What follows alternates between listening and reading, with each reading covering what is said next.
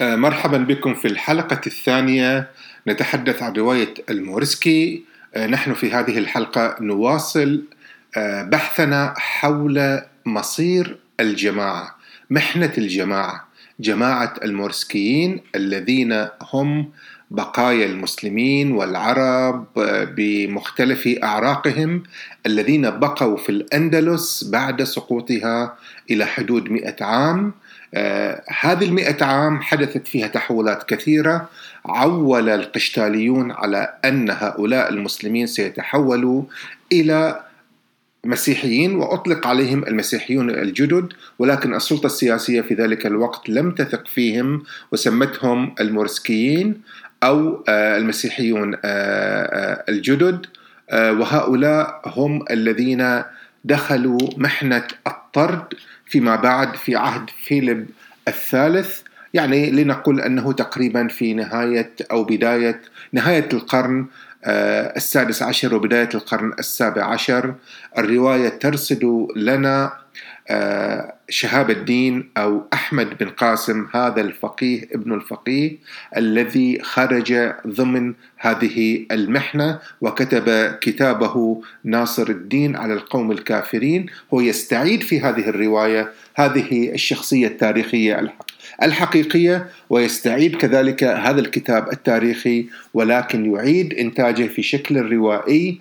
بلغة حديثة وبأفق حديث وبفهم معاصر وليس بالأفق التاريخي نفسه الذي انطلق منه آه، أحمد بن قاسم إذ أنه كان يقدم لنا في كتابه التاريخي يقدم حواراته مع المسيحيين ومع اليهود وكيف انتصر عليهم بحجاجه الديني. ولا لم يكن لديه هذا الأفق التاريخي الذي سنجده عند أحمد بن قاسم أو عند شهاب الدين الشخصية الروائية في هذه آه، الرواية التي تملك بصيرة تاريخية وحضارية آه، منفتحة جدا تستطيع أن تتأمل في التاريخ، تستطيع أن تتأمل في مصائر الجماعات، تستطيع أن تقدم لنا درسا معاصرا في التعايش، هذا ليس هو ذاك آه، في كتاب ناصر آه، ناصر الدين على القوم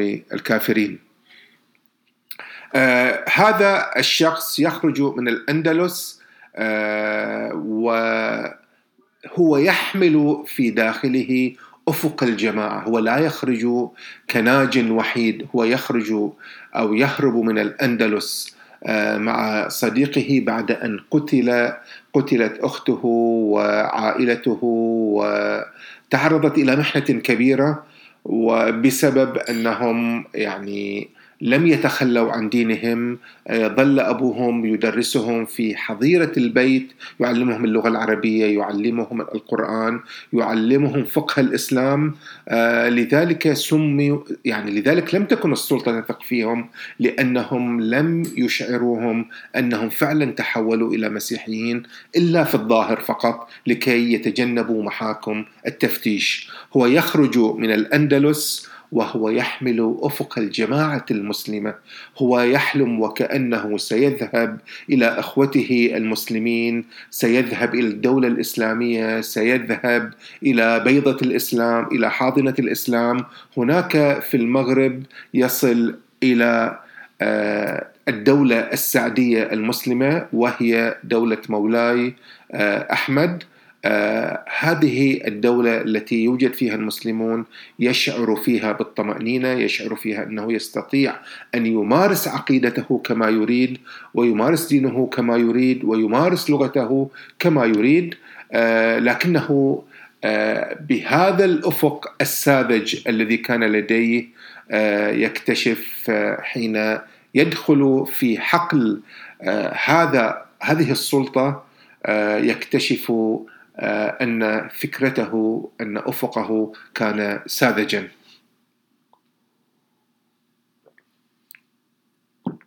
ماذا حدث؟ حدث أنه عين كاتبا في هذه السلطة أعجب آه، الحاكم بلغته بفقهه آه، بل أنه ضرب به المثل وقال أن هذا الشخص المورسكي الذي جاء من الأندلس في هذه المحنة وهذه الحرب ضد لغته وضد عقيدته لديه من اللغة ومن الفهم ومن الإسلام ما ليس عندكم أنتم أيها, أيها المغاربة. آه، أعطي اسما جديدا هو شهاب الدين ونحن علينا أن نتذكر أن اسمه أحمد أيضا لم يكن هذا هو الاسم الذي كان لديه في الأندلس. إذ أنه حين كان هناك كان أيضا يتخفى تحت اسم مسيحي. هكذا هو الآن اكتسب أيضا اسم آخر غير اسم حتى أحمد أصبح يعرف بشهاب الدين. هكذا كأن كل سلطة سياسية تضع لك, تضع لك آه، اسما يحمل ما تريده منك. وسمي صديقه أيضا عز الإسلام ودخل في الجيش وقتل وانتهت قصته. ولكن شهاب الدين شهاب الدين بقي آه، في هذه السلطة إلى آه، فترة متأخرة أصبح شاهدا على تحولات هذه السلطة وشاهدا على جماعته جماعة المورسكيين ماذا وجد في هذه السلطة؟ وجد في هذه السلطة آه، تركيبة الدنيا وليس تركيبة الآخرة كما هو تصورها ما هي هذه التركيبة الدنيوية؟ يعني وجد في هذه السلطة الطمع، الأجندة الشخصية، الجشع، آه، وجد التكالب على آه، الملذات، وجد أن بلاد السلطة ما هو إلا آه، جمع لمجموعة متنافرة من الأشياء ومتضادة يتم تركيبها وفق استراتيجية سياسية هي استراتيجية التي تخدم هذه السلطة.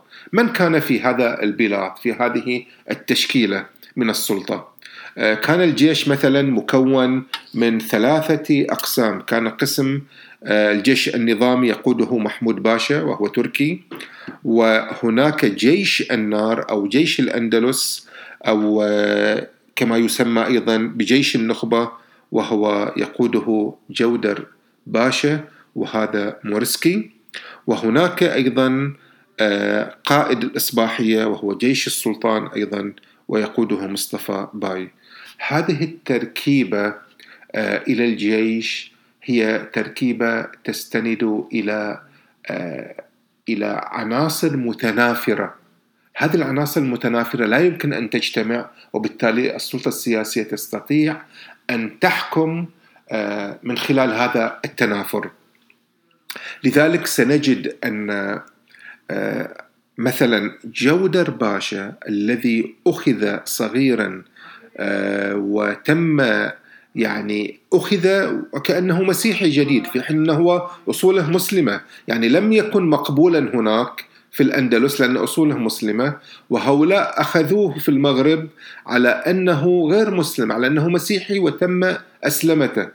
فهو مورسكي. هذا هو وضع المورسكي بالضبط. وتم خصيه. وأصبح قائدا إلى جيش النار جيش الأندلس. وهنا علينا أن نلاحظ هذه التسمية جيش الأندلس. جيش آه، النار كأنه يذكرنا بجيش فلسطين وإعدادات الأمة العربية والجيوش العربية آه، لفتح فلسطين. يعني كلها أحلام. هذا أيضا كأنه أيضا هذا الحاكم السعدي مولاي أحمد كون هذا الجيش وأعطاه هذه التسمية آه، ليطرح نفسه وكأنه آه، الملك أو الخليفة أو السلطان الذي سيستعيد لنا الأندلس الذي آه، مضى على سقوطها مئة عام. وهنا علينا أن نتذكر جيدا أن الأندلس كادت أن تسقط قبل هذه المئة عام ولكن أنقذها المغاربة المرابطون وبعدهم المغاربة الموحدون وكأن هؤلاء الجماعة المورسكية أيضا تنتظر بحسب هذا الحلم الذي كان تنتظر أيضا منقذا آخر يأتي من المغرب ويحررهم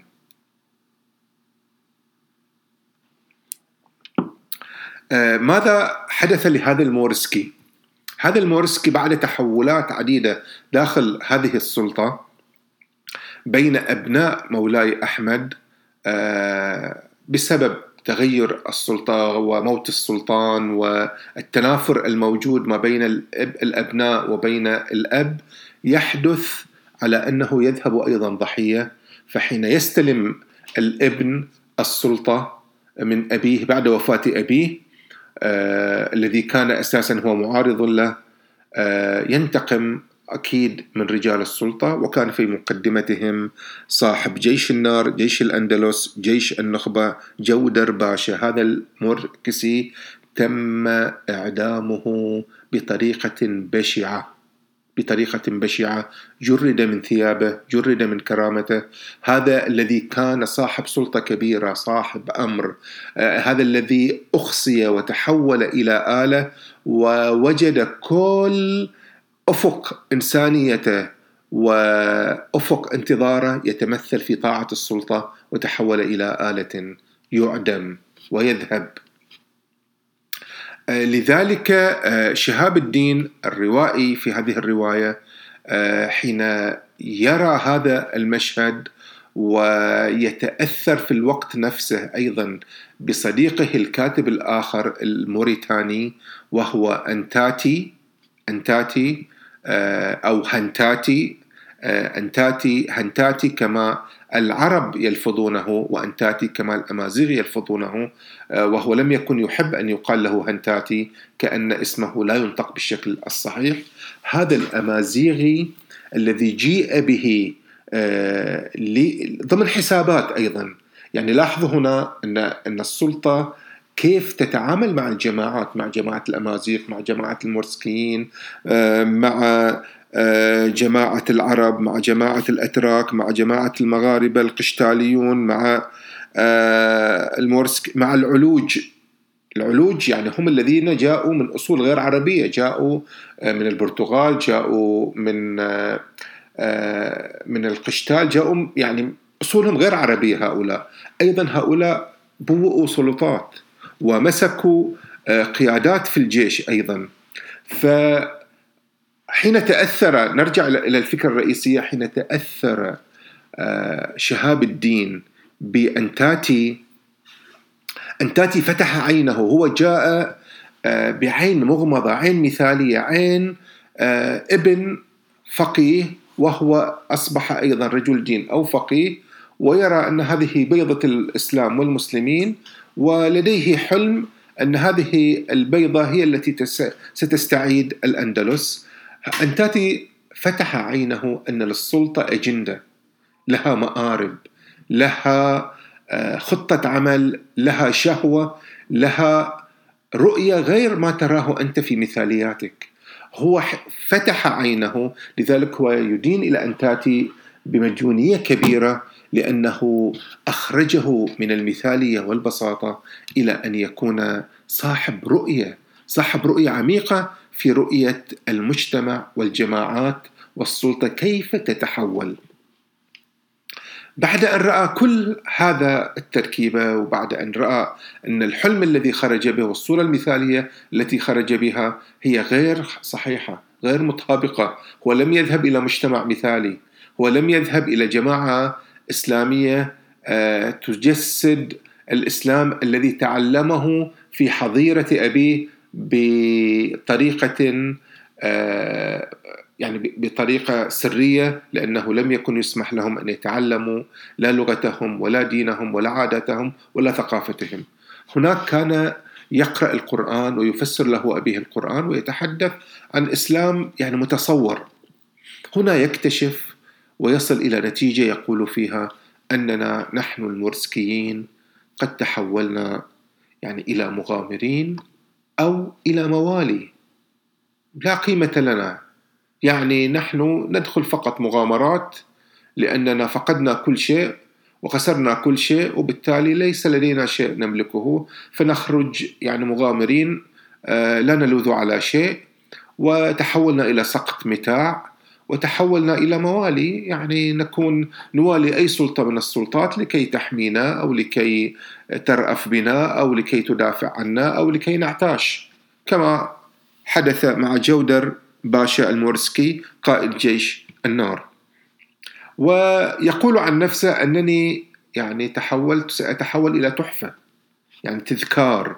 يعني أنا وظيفتي الكتابة أنا مجرد شاهد تذكار أكتب كتابا وهذا الكتاب ربما يعثر عليه أحد فيما بعد ويعرف محنتنا ويعرف ما حدث لنا. نحن آه، ضحية ضحية هذه السلطات التي لا ترى فينا آه، أننا لا ترى فينا أننا بشر أننا آه، أصحاب إنسانية. ترى فينا أن نحن طفيلات زائد طفيليات زائدة يجب التخلص منها. والحجة التي مثلا قدمها فيليب الثالث حين أخرجه من الأندلس هي حجة الاندماج. قال أنكم لا تندمجون. قال أنكم لا يمكنكم أن تندمجوا في آه، السلطة السياسية التي نمثلها. هي سلطة آه، الدين فيها هو الدين. آه، الكاثوليكي الغربي أنتم ما زلتم تحملون جينات غير جيناتنا ثقافة غير ثقافتنا عقيدة غير عقيدتنا لغة غير عقي... لغتنا. سمحنا لكم مئة عام لكي تتحولوا لكنكم أثبتتم فشلا فلم تندمجوا. لذلك يجب التخلص منكم. هو يقول في هذه اللحظة آه، حين آه، حدث ما حدث إلى جودر باشا حين أخصي قال نحن أيضا مخصيون. نحن أيضا كجماعة مورسكية. يقول هذا الإقصاء الحقيقي الذي حدث إلى جودر باشا وقتل فيها هو يمثل ما حدث لنا أيضا نحن.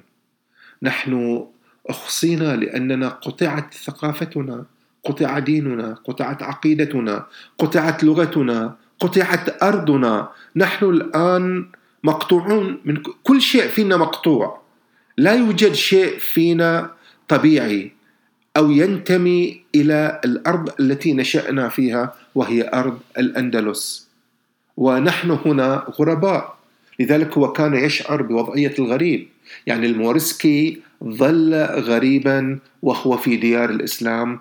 كان يظن أنه في ديار الإسلام سيكون آه، مواطنا سيكون ضمن هذه الأخوة. اكتشف أن ذلك غير صحيح. اكتشف أن موطنه الحقيقي موطنه الأصلي بيئته هي هناك في الأندلس. بغض النظر عن الدين الذي آه، يعتنقه أو اللغة التي يتكلمها. هذا ما اكتشفه.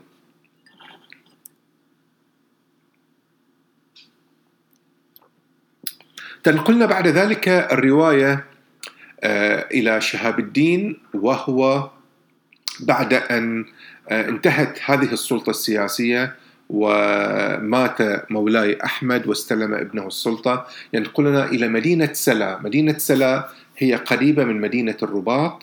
آه، هناك كان في أيضا جماعة مورسكية.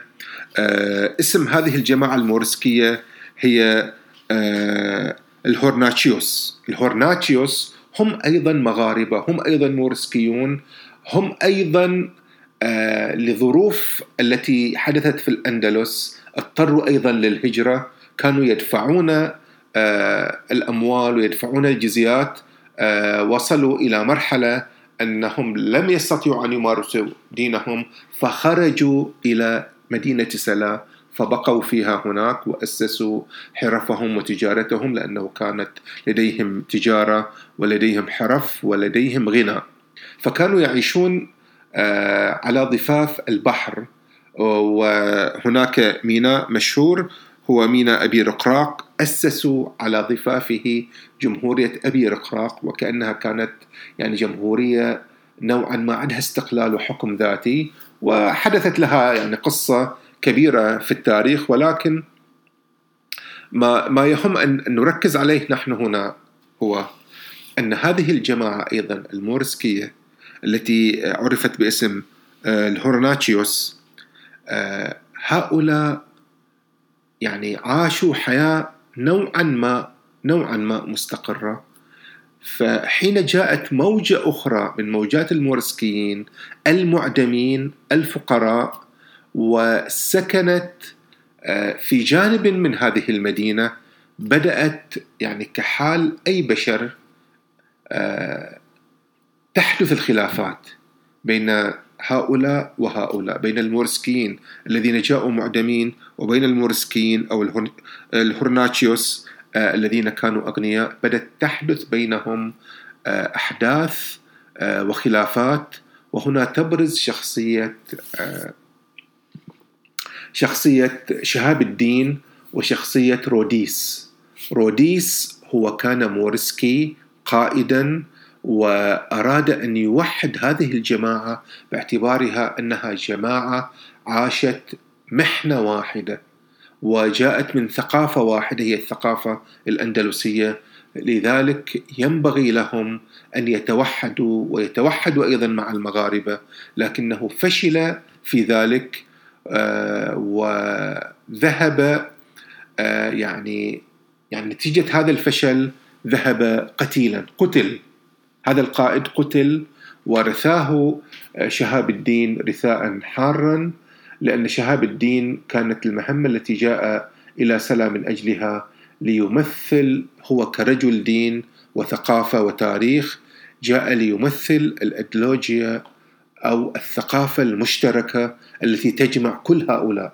يعني آه، روديس كان القائد السياسي الذي حاول أن يجمع هذه الجماعة سياسيا لكن هو وجد أن هذا الجمع السياسي لا يمكن أن يكون قويا من غير ثقافة موحدة أو عقيدة موحدة أو فضاء مشترك واحد وهذا ما كان يعول فيه على شهاب الدين.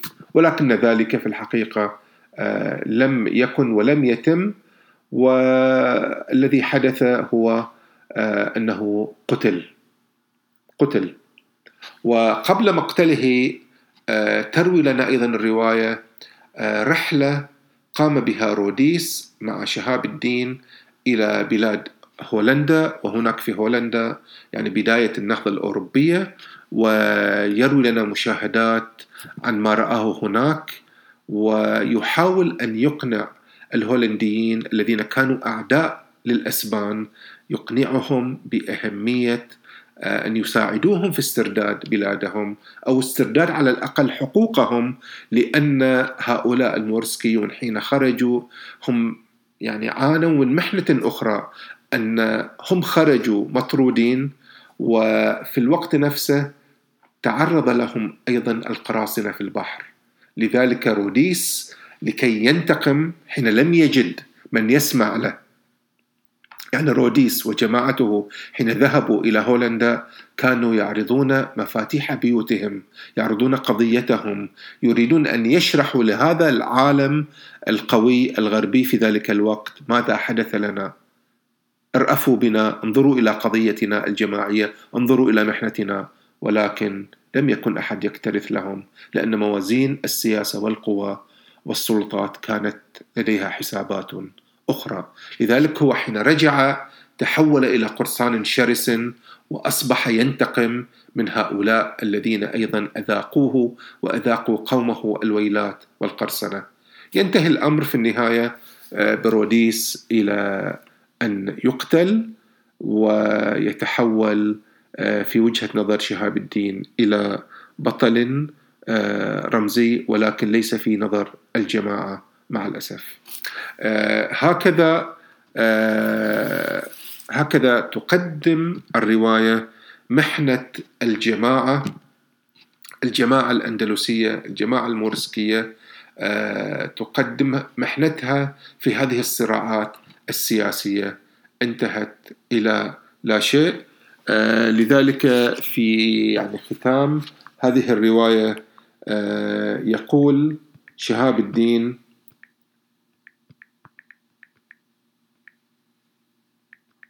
يعني يقول خلاصة آه تقدم يقدم من خلال هذه الخلاصة يقدم يعني الجو العام الذي آه انتهى إليه.